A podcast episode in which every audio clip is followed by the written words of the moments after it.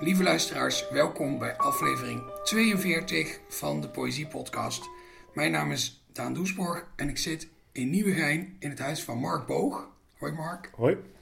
bedankt dat ik bij je op bezoek mocht komen. Ja, dat je bereid was eh Nieuwegein te betreden. En dan zie, zie ik Nieuwegein ook eens. Ja.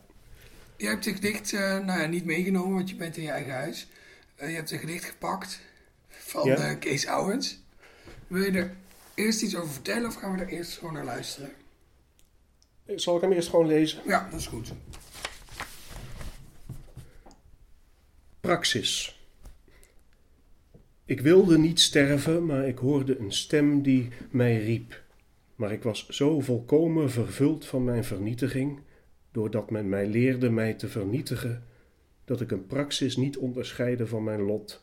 Want als ik geheel opging in mijzelf, en als mijn kleding de dressuur was van mijn lichaam, en als ik mij voorbereidde op de verleden tijd, waar ik met mijn lichaam doende was mij te begeven in de toekomst van deze verleden tijd, kon ik niet anders dan gehoorzaam zijn aan deze stem, die onontkoombaar was als een oorsuizing en die metrisch was als mijn hart en schril als een schreeuwen in inklemming. Ten slotte luisterde ik naar mij, luisterde ik naar mij. Dankjewel. Nou, Waarom heb je dit gedicht gekozen? Het gaat me meer nog om het gedicht dan om de, eh, gaat om de bundel. eh, Klem. En die heeft mij ooit eh, eh, gegrepen. En eh, eh, sindsdien herlees ik die af en toe. Ik heb hem zelfs los eh, nog een keer eh, antiquarisch gekocht. Zoals je ziet, eh, hoewel ik het eh, verzameld werk gewoon in de kast heb staan. Ooit heb ik die van de bibliotheek geleend. En meegenomen op vakantie. Met als gevolg dat ik die eh, gedichten, toen was ik eh, eh, redelijk jong begon net poëzie te lezen en ik begreep er heel weinig van en vond het prachtig. En dat eh, ehm, vind ik een fascinerende combinatie. Nog steeds zo eigenlijk.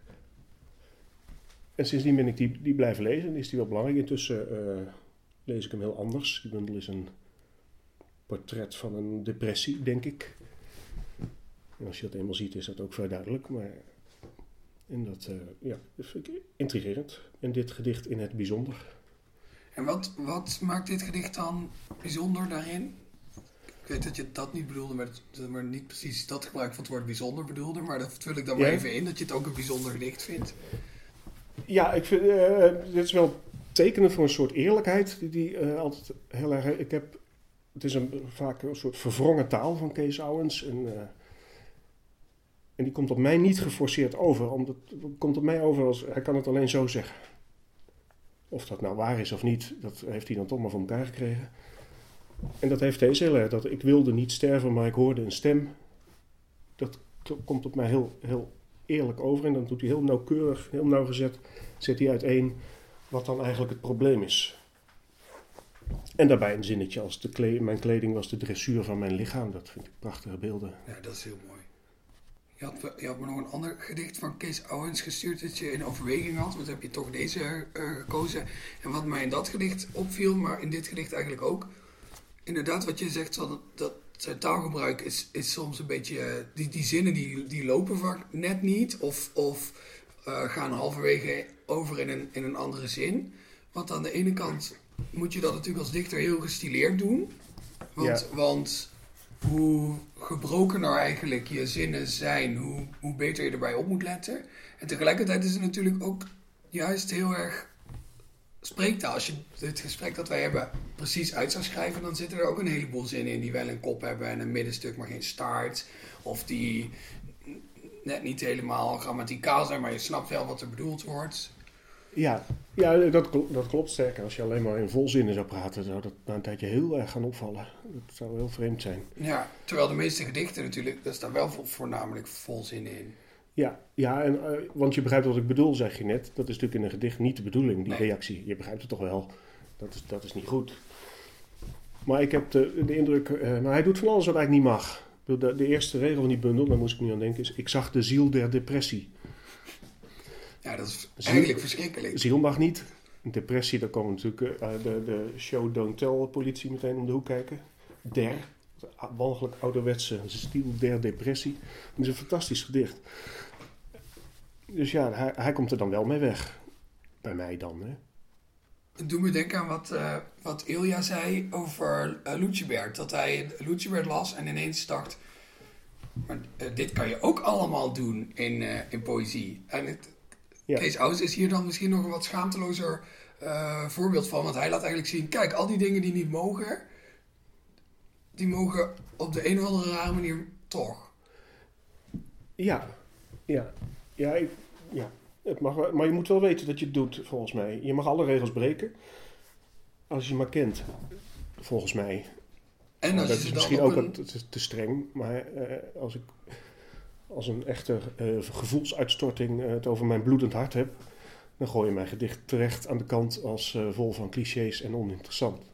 Natuurlijk kan ik wel een bloedend hart in mijn gedicht doen, maar dan weet ik... dat is eigenlijk een cliché en volgens mij is Kees Owens wel zo bewust, dat weet ik wel zeker, dat hij ook wel weet dat ziel de depressie nogal letterlijk is. Ja, en, maar hoe flikt hij het dan om daar toch mee weg te komen, denk je? Ja, dat is een goeie. Um, ik denk door de, de precisie die ik er nog in hoor. En die, die neigt naar dat onbegrijpelijke. En dat is voor mijn gevoel dat hij dus alleen maar zo kan zeggen. Het zijn een soort formules, soort toverspreuken bijna dit is hoe hij het, hoe hij het voelt, hoe hij het ziet, hoe hij het uitlegt. Want hij legt een beetje uit. Uh, hij, hij maakt de indruk, ik ken hem niet verder, ik kende hem niet. Uh, een, een, licht, uh, of wel wat erger, getormenteerd persoon te zijn. En in zekere zin legt hij ons dat uit, hoe dat nou eigenlijk precies zit. En dat portret van de depressie is, is prachtig. Het is ook de schoonheid van een depressie, dat vind ik erg mooi. Want die stijl van, van Kees Owens is natuurlijk heel, heel typisch en ook heel herkenbaar.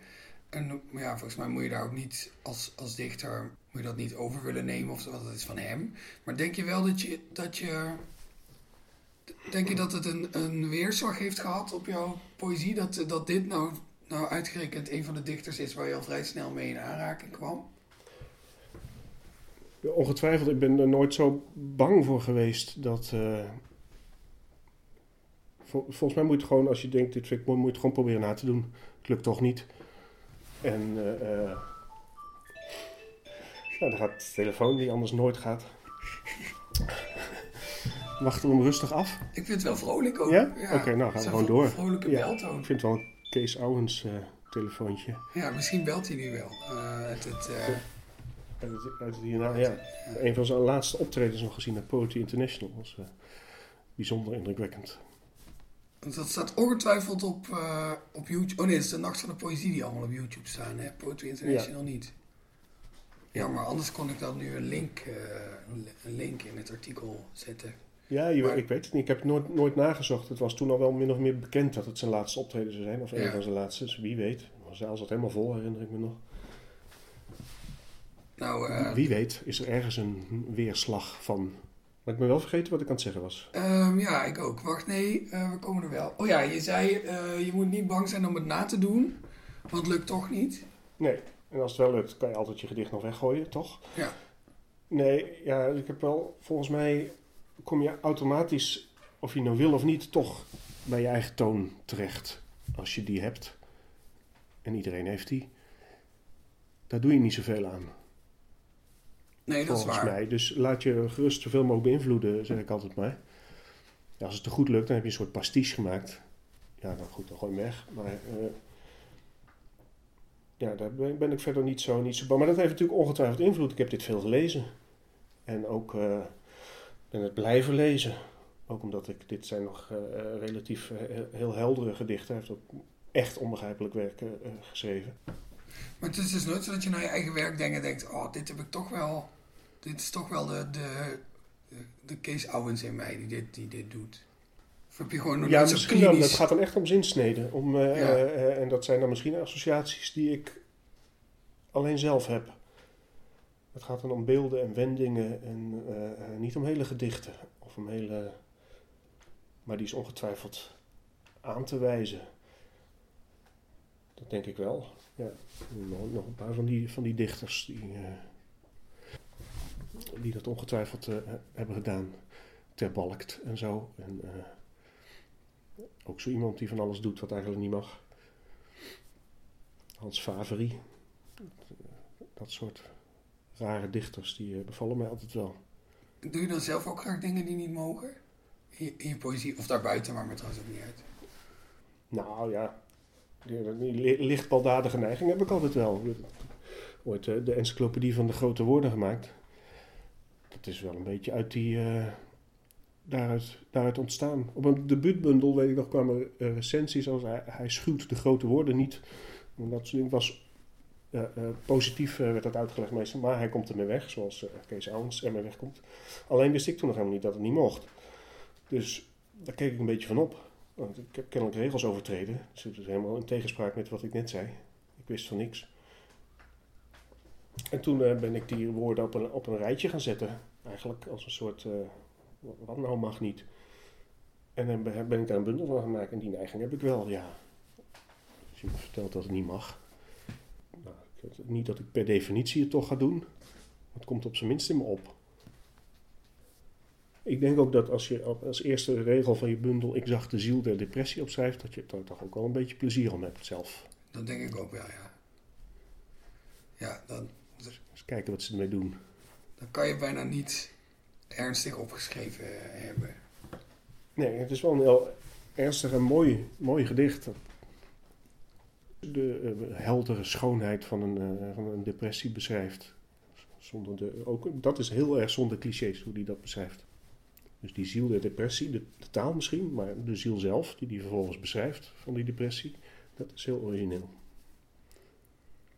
Misschien kan dat ook heel moeilijk in, in clichés eh, Ja, beschreven worden. Omdat je daar dan ook... Nou, het kan moeilijk anders, maar het is dan niet zo interessant natuurlijk. Ja, ja Je hebt het vooral over du- duisternis en eh, zwarte eh, wolken en eh, weet ik wat je allemaal gaat verzinnen. Ja, daar heb ik niet zoveel aan. Maar hij vertelt ook hoe mooi, hoe mooi, hoe mooi die is. Dat is een, een mooie wending. Depressie is terecht, namelijk. Dat is mijn conclusie hieruit. Het is, dat is waar, alleen is er niet mee te leven. maar wat bedoel je dan met terecht? Nou, in ieder geval in een depressie, ik, ik ken het een beetje, niet zo erg als hij, denk ik. Is het wel, er is een soort een helderheid die heel ver gaat. En je, leeft heel erg als je eh, eh, depressief bent. Je voelt alles, je ziet alles, je hoort alles. Het is alleen niet prettig. Maar het is heel intens. En het is natuurlijk wel, eh, daar heb ik me wel vaker over, over verbaasd, ook hele bundels over geschreven, over levenslust. Het is natuurlijk allemaal een doffe ellende eigenlijk, als je er goed over nadenkt. En dan zitten we toch allemaal weer eh, ervan te genieten en grappen te maken. En dat is heel mooi en zelfs ontroerend, vind ik. Dus de depressie, als dat weg is, die levenslust, ja, dat is dan wel zeker. Voel je dat dan zo? Dat is, dat is de waarheid. Ja, dat bedoelde ik denk ik ook toen ik net zei dat het, dat het misschien ook moeilijk in clichés te eh, omschrijven is. Omdat, dat, omdat je in een depressie ook een beetje ineens door de clichés van, van het leven heen prikt. En, en, en een soort... Ja, dat het bijna voelt alsof je om blij te kunnen zijn, moet je, moet je jezelf een beetje voorliegen. En in zo'n Ja. depressie denk je, ja, nou ja, daar, daar, daar doe ik dus even niet aan mee. Nee, En daar is natuurlijk ook wel wat op af te dingen, denk ik. Eh, volgens mij Ja. kan je ook best wel en, en doorzien eh, wat er allemaal verkeerd gaat. En evengoed eh oprecht gelukkig zijn. En niet alleen maar omdat je jezelf voorliegt. nee dat is wel degelijk een, nou ja, een, een soort aandoening. Het is Ja. iets lichamelijks bijna, volgens mij. ja, maar het is wel iets dat zich misschien bij uitstek slecht verdraagt met clichés. Ja, maar of je er dan de woorden voor vindt, dat is dan weer wat anders. Dat is lastig. Als je hem direct, als je zoiets, maar dat geldt voor alle grote dingen, daar komen heel veel van die regels, zoals eh, zeg nooit ziel en zo vandaan denk ik. Als je direct probeert te beschrijven, dan kom je toch snel in de, in de clichés. Dus je hebt een soort omweg nodig, een soort beschrijvende of... eh, ja, om hem te beschrijven moet je om- omwegen nemen. Ja. En, eh, het kunnen metaforen zijn, maar dat kunnen ook anekdotes zijn die, die zijdelings duidelijk maken waar je langs schuurt, om het zo maar eens wat onhandig te zeggen. En als je dan echt een grote bink bent, dan neem je een omweg die zo groot is dat die eigenlijk gewoon weer de directe route wordt. En dan kan je dus bijvoorbeeld een hele bundel over een kraai schrijven. Zonder dat mensen denken, god wat een makkelijke metafoor, Ted. Of, of Ja. over depressie schrijven en dan beginnen met ik zie de ziel der depressie. Ja, ja, die kraai of die ziel, die is natuurlijk niet erg. Het is maar wat je er vervolgens mee doet. Ja, als ik het laat bij een, bij een metafoor, eh, gewoon een, een zwarte kraai eh, eh, bo- boven mijn huis of boven mijn hoofd. Ja, dat is natuurlijk wat makkelijk. Maar als die kraai een wezen wordt, en, en dan gaat hij waarschijnlijk ook... Dan krijgt hij ook positieve kanten en eigenschappen. En dan wordt het al een stuk interessanter. Zou je het gedicht van Kees Owens nog een keer willen lezen? Praxis. Ik wilde niet sterven, maar ik hoorde een stem die mij riep. Maar ik was zo volkomen vervuld van mijn vernietiging, doordat men mij leerde mij te vernietigen, dat ik een praxis niet onderscheidde van mijn lot. Want als ik geheel opging in mijzelf, en als mijn kleding de dressuur was van mijn lichaam, en als ik mij voorbereidde op de verleden tijd, waar ik met mijn lichaam doende was mij te begeven in de toekomst van deze verleden tijd, kon ik niet anders dan gehoorzaam zijn aan deze stem, die onontkoombaar was als een oorsuizing en die metrisch was als mijn hart en schril als een schreeuwen in inklemming. Ten slotte luisterde ik naar mij, luisterde ik naar mij. Dankjewel. Je hebt ook een gedicht meegenomen uit je eigen nieuwe bundel. Waarvan je net zei dat je vond dat het eh, thematisch wel goed aansloot bij dit gedicht van Kees Owens. Dus ik ben heel benieuwd. Ja, dat is wel, eh, ja, enigszins. Ja, Misschien alleen maar doordat ik eh, met dit gedicht bezig ben en dit erbij lees. Op de glorieuze wereld staat de glorieuze hemel, leeg en blauw. Een blauw zo bleek, zo licht, dat het wel waar moet zijn. Dit is begin. Brandhaarden overal zijn bagatellen, oprispingen van einde. In ieders verzet schuilt verongelijkheid en hoop. Het is niet goed zoals het is, nog is er meer aan de hand dan ooit. Op de grond de lucht. Op de koude grond de winter waarmee het jaar begint. Je zit naast me. We bewegen zonder te bewegen. De lege weg, de lege rechte weg, de richting. Het raam dat de lucht is met de witte vegen, vingers van nieuwsgierige kinderen of die werden buiten gesloten. Kleine vogels die zich te pletter vliegen, door grotere achtervolgd of bang voor niets. Er is in dit land niets om bang voor te zijn. Op de weg naar de hoofdstad staat de hoge lucht. De lucht is leeg, de lucht is begin. Op het koude veld liggen lichamen, inmiddels zwijgende lichamen. Ze liggen op een rug. Ze kijken met dode ogen naar de hemel, naar geen enkele ster sterker dan het bleke blauw.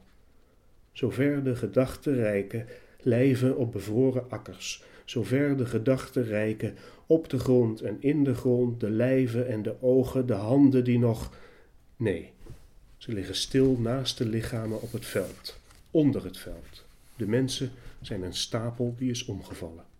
Op de grond de lucht, de glorieuze lucht, rechtop. De dode hond die leefde, de dode vogel die vloog, de dode wereld die niet dood was. Vingers verschijnen aan de blanco hemel aan het begin en wijzen in elke oorlog winnaars aan. Prijzen worden verdeeld, afval wordt opgeruimd en hergebruikt in een eindeloze reeks verhalen, steeds de verhalen. Op de glorieuze wereld, de glorieuze hemel. De weg ligt in het midden. De auto volgt de weg. Jij zit links, ik zit rechts. Naast ons en in ons en om ons en boven ons en voor en achter ons de vele dieren en de vele mensen en alles wat we vergaten. Brandhaarden in de verre verte en om de verre hoek, het veld nog leeg. Er siddert al, heel diep, een volgende oogst, een lente. Blanco velden, blanco hemels, blanco breinen, ieders dode ogen kijken ieders dode luchten in en alles ademt. dankjewel. En voordat ik dit apparaat eh, aanzette, wilde ik tegen jou zeggen dat, dat ik het gedicht zo goed vond passen binnen, binnen de rest van de bundel. En terwijl ik dat zei, herinnerde ik me dat jij gemaild had dat dat je dit gedicht wel wilde kiezen. Ook al is het misschien niet zo representatief voor de rest van de bundel. Ja. Wat zegt dit gedicht nou niet over jouw nieuwe bundel? Liefde in tijden van brand. Uh, het is voor de vorm, denk ik. Dat, het zijn redelijk korte gedichten allemaal, zonder witregels. Uh, wat voor mij op een, op of andere manier van belang is. Wel of geen witregels, daar verandert het gedicht van. Die compact zijn. En dit is een heel lang gedicht, in strofen verdeeld. Veel vrijer in vorm. Maar misschien te ja, ik heb het natuurlijk niet voor niks ingezet. Enerzijds om de brei die het anders wordt van die dichte tekstblokken te breken. Maar ook omdat hij er natuurlijk inhoudelijk wel bij past. Maar ik heb het dan vooral over de vorm. Dat is natuurlijk eigenlijk, tenminste bij mij, uh, over de inhoud heb ik al een hele tijd niet nagedacht eigenlijk. Die, die, heb je op een gegeven moment en dan begint het knutselen en schaven en kijken wat waar past. En dus uh, ja, ik was de inhoud even vergeten. Nee, ik bedoelde dus inderdaad ook wel de inhoud. Ik vond het best wel een, een, een beetje een post-apocalyptische bundel. Maar gezien de titel is dat misschien helemaal niet zo'n schrandere observatie hier van mij. Want dat, ja, dat, uh, ik denk dat dat wel genoegzaam duidelijk mag zijn. Als, het, als de bundel Liefde in tijden van brand heet, dan ja. uh, is het allemaal niet, niet koek en ei. Nou, die liefde misschien wel. Ja, nou ja, het is, het is de verbazing over, over die liefde, eigenlijk die levenslust waar ik, net, waar ik het net over had. Terwijl alles in brand staat, misgaat. Je hoeft, om er toch maar eens een cliché in te gooien, de krant maar te lezen. Uh, ochtends en je kan diep, diep te putten. En, en, toch zitten we allemaal in onze kamertjes liefdesrelatietjes op te bouwen en leventjes te maken en, en genieten daarvan en doen dat vol overgave. En dat is mooi. Maar het is ook gek. Ik vond het inderdaad ook wel wat je zegt over die kamertjes. Ik, ik had dan meteen het gevoel dat je, een, dat je uh, gedichten leest waarin een kamertje is en een, en een buitenwereld. En in dat kamertje zitten misschien wel grote ramen, zodat je die buitenwereld goed in de gaten kan houden. Maar het is toch ook vooral de bedoeling dat die, die muren een beetje solide blijven en die buitenwereld buiten houden. Ja, ja, of de bedoeling is, weet ik niet zo goed. Dat is de verbazing daarover ook wel dat hiernaast achter deze muur zo'nzelfde kamer is als deze, waar mensen ook een heel leven, maar zo voelen wij dat helemaal niet. Dat, dat zijn de buren. En wij zijn geen buren. Dat is gewoon niet zo.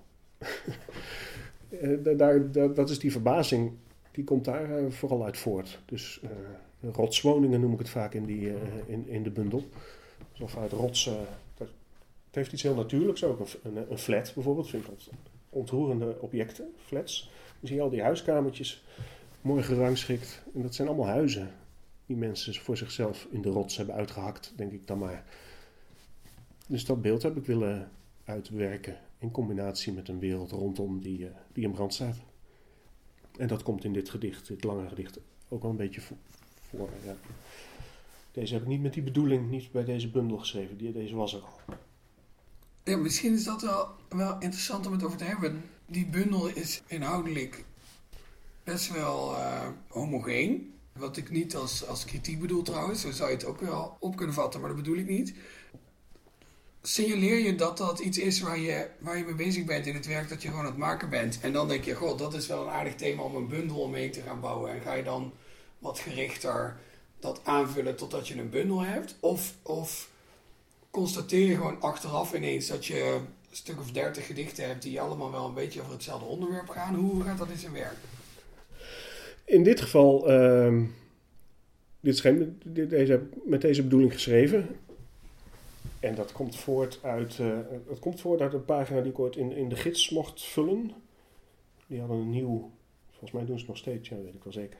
Dat een dichter een hele pagina van die bijna krantenpagina's vult in plaats van een paar losse gedichten hier en daar als in, een, in de meeste literaire tijdschriften. Dat vond ik interessant, dat heb ik gedaan. heb ik wat gedichten, de, allereerste gedichten, allereerste versies van gedichten uit deze bundel. Omkleed met wat, wat flarden en fragmenten uh, uh, op één pagina gezet. En toen ben ik tot de conclusie gekomen dat ik dit interessant vond, dit onderwerp en deze toon en deze manier van schrijven. Ja, dan kom je al gauw bij het plan om er dan een hele bundel van te maken. Om te onderzoeken of het inderdaad interessant genoeg is, eigenlijk. Dat, dat is hem, ja. En is dat dan hoe je meestal werkt? Ik ik bedoel, bij de encyclopedie van de grote woorden is dat dan denk ik ook zo gegaan. Ja, die kwam niet uit een toon of een... Of, dat was het idee. En ben er daarna gedichten bij gaan schrijven. Ja, Gewoon, precies. gewoon elke dag een groot woord. Een heel raar project was dat. Maar dit was toch ook een idee waar je gedichten bij Ja, maar ik had, ik had fragmenten, gedichten, eh, regels, eh, een, een toon. Ja, Ik wist ook meteen dat ik, hier komen geen witregels in. Dat past niet. Ja. Waarom weet ik eigenlijk niet zo goed. Zulke dingen denk ik dan. Dat, dat wist ik. Ik wist hoe het eruit moest zien. Het idee heb ik wel vaker. Dat je van afstand kunt zien aan een gedicht of het goed is of niet. Een, eh, eh, een waanidee ongetwijfeld. Maar eh, het wel. En dan, ga ik, dan ga ik ermee door. Toen heb ik gewoon een heleboel van die, van die gedichten geschreven. En daarna komt weer het, het ordenen en knutselen en toch maar in een paar afdelingen bij elkaar zetten. Afgewisseld met gedichten die eh, wat lichter, wat meer lucht in zich hebben. Om het een beetje draaglijk te maken voor de lezer. en hoop je dan ook dat lezers hem van kaft tot kaft eh, lezen? Wil je het echt presenteren als een, als een doorlopend narratief? Of is dat niet zo belangrijk? De volgorde is niet heel belangrijk. Wel dat ze bij elkaar staan. En ik denk natuurlijk wel na wat het eerste gedicht moet zijn. En eh, de, de eerste regel waar dit uit voorgekomen is, is dit zelfs, denk ik. Ik heb mij nooit erg op mijn gemak gevoeld, is de, is de openingsregel, als ik het cursieve eerste gedicht even niet meereken, waar dit hele project uit is begonnen. Dus daar denk ik er wel aan. Dat gedicht bevalt me, daar zit ik vooraan. Verder probeer ik dat een beetje ja, te ordenen. Eh, sommige gedichten kunnen los, maar een heleboel moet je echt in, eh, in context lezen. Als ik hieruit ga voordragen, wat ik een paar keer gedaan heb, niet alle gedichten lenen zich daarvoor. Sommige hebben echt hun buren nodig. Om daar maar eens op terug te komen. Ik moest in de, wat is dat, op de drie, op twee, op drie na laatste strofe. Ja, de laatste strofe is één regel, dus is dat dan een strofe of niet? In ieder geval, daar zat de regel in en die, toen moest ik ineens aan de, aan de mis denken. En de regel die ik bedoel is eh, eh, naast ons en in ons en om ons en boven ons. Ja? En hoe het precies gaat, weet ik niet, want ik ben niet zo kerkelijk. Maar in, in, de, in de mis zeggen ze op een gegeven moment ook zoiets. Zeggen ze eh, door, door hem en met hem en in hem, of, geloof ik. Hm, dat is niet bewust. Nee? Oh, Nee. kijk. Dat is, eh, Maar dit, ja, het gaat wel om iets groters. En eh, als je goed je best doet, kan je er vast een soort religieuze of mystieke lading in, in vinden. Het alles om je heen. Maar kerkelijk, nee, dat geloof ik niet. Nee. Nee, het is ook natuurlijk, het is misschien een onderwerp dat zich wel voor een, een prekerige toon leent. Hè, zo, kijk nou eens hoe het eh, om ons heen allemaal eh, naar de get vergaat. Maar, dat, maar ja, ik wilde hiermee niet impliceren dat het, dat het een prekerige toon heeft. Want dat is absoluut niet, eh, niet zo. Nee, ja, nee. Nou, een bijna zalvend einde hè, met, en alles ademt. Ja, dat wel. Maar daar kom je wel mee weg. Ah, gelukkig. Op zijn, op zijn Kees Owens. Ja. Als je, er, maar- als je er maar genoeg voorzet, dan... eh, Ja, als je er maar genoeg doods en, eh, en eh, lichamen die naar de hemel starend in een veld liggen eh, voorgooit, dan mag je daarna wel zeggen dat alles ademt. Ja. Dat je dat idee zorgvuldig afgebroken hebt. na 21 strofen ellende mag, mag het. Ja, Ja. je hebt toestemming, Mark. Gelukkig maar. Zou je het gedicht eh, nog een keer eh, voor ons willen lezen? Ja. Op de glorieuze wereld staat de glorieuze hemel, leeg en blauw.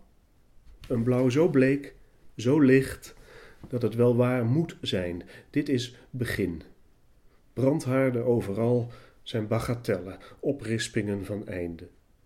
In ieders verzet schuilt verongelijkheid en hoop. Het is niet goed zoals het is, nog is er meer aan de hand dan ooit. Op de grond de lucht. Op de koude grond de winter, waarmee het jaar begint. Je zit naast me. We bewegen zonder te bewegen. De lege weg, de lege rechte weg, de richting. Het raam dat de lucht is met de witte vegen, vingers van nieuwsgierige kinderen of die werden buiten gesloten. Kleine vogels die zich te pletter vliegen, door grotere achtervolgd of bang voor niets. Er is in dit land niets om bang voor te zijn. Op de weg naar de hoofdstad staat de hoge lucht. De lucht is leeg, de lucht is begin. Op het koude veld liggen lichamen, inmiddels zwijgende lichamen. Ze liggen op hun rug. Ze kijken met dode ogen naar de hemel, naar geen enkele ster sterker dan het bleke blauw. Zover de gedachten rijken, lijven op bevroren akkers, zover de gedachten rijken op de grond en in de grond, de lijven en de ogen, de handen die nog. Nee, ze liggen stil naast de lichamen op het veld, onder het veld. De mensen zijn een stapel die is omgevallen. Op de grond de lucht, de glorieuze lucht, rechtop. De dode hond die leefde, de dode vogel die vloog, de dode wereld die niet dood was. Vingers verschijnen aan de blanke hemel aan het begin en wijzen in elke oorlog winnaars aan. Prijzen worden verdeeld, afval wordt opgeruimd en hergebruikt in een eindeloze reeks verhalen, steeds de verhalen. Op de glorieuze wereld, de glorieuze hemel. De weg ligt in het midden. De auto volgt de weg. Jij zit links, ik zit rechts. Naast ons en in ons en om ons en boven ons en voor en achter ons de vele dieren en de vele mensen en alles wat we vergaten. Brandhaarden in de verre verte en om de verre hoek. Het veld nog leeg. Er siddert al, heel diep, een volgende oogst, een lente. Blanco velden, blanco hemels, blanco breinen. Ieders dode ogen kijken ieders dode luchten in. En alles ademt. Dankjewel. Ik vind het wel een hoopvol gedicht. Ja, dat is het eigenlijk ook. Ja. Ja. Door, door, het, door het einde. Maar eigenlijk ook daartussendoor. En omdat het over het begin gaat, om het Ja. maar eens over einde te hebben. Eh, gedacht dat alles eindig is. Als alles niet, dat het dan weer een. eh, hè, dan wordt weer lente. Gelukkig heb ik dat niet opgeschreven. Nee, maar wel, maar wel gezegd in deze podcast. En het lijkt me ook een mooie stichtelijke gedachte om mee af te sluiten. Dit was aflevering 42 van de Poëzie Podcast. Die wordt gemaakt door mij, Daan Doesborg, in samenwerking met de Stichting Literaire Activiteiten Amsterdam. En dit keer voor het laatst in samenwerking met Vrij Nederland. Met ingang van januari gaan de Sla en ik eh, samen verder zonder Vrij Nederland. Maar dat komt allemaal hartstikke goed. Als Vrij Nederland nou uw enige bron was om eh, eh, van deze podcast te genieten, dat zou ik u van harte aan willen raden om naar Spotify te gaan, of naar iTunes, of naar alle andere plekken eh, waar podcasts verkrijgbaar zijn. Laat dan ook vooral even een ronkende recensie achter over hoe geweldig deze podcast is. Of op de site van de Sla, sla.nl, dat is met dubbel A, want anders komt u op de site van een saladebar. En dat lijkt me niet de bedoeling. De muziek bij deze podcast wordt gemaakt door Bart de Vrees. Ik ga hem ongeveer nu instarten. Dan kunnen jullie er nog even van genieten terwijl ik zeg graag tot de volgende keer.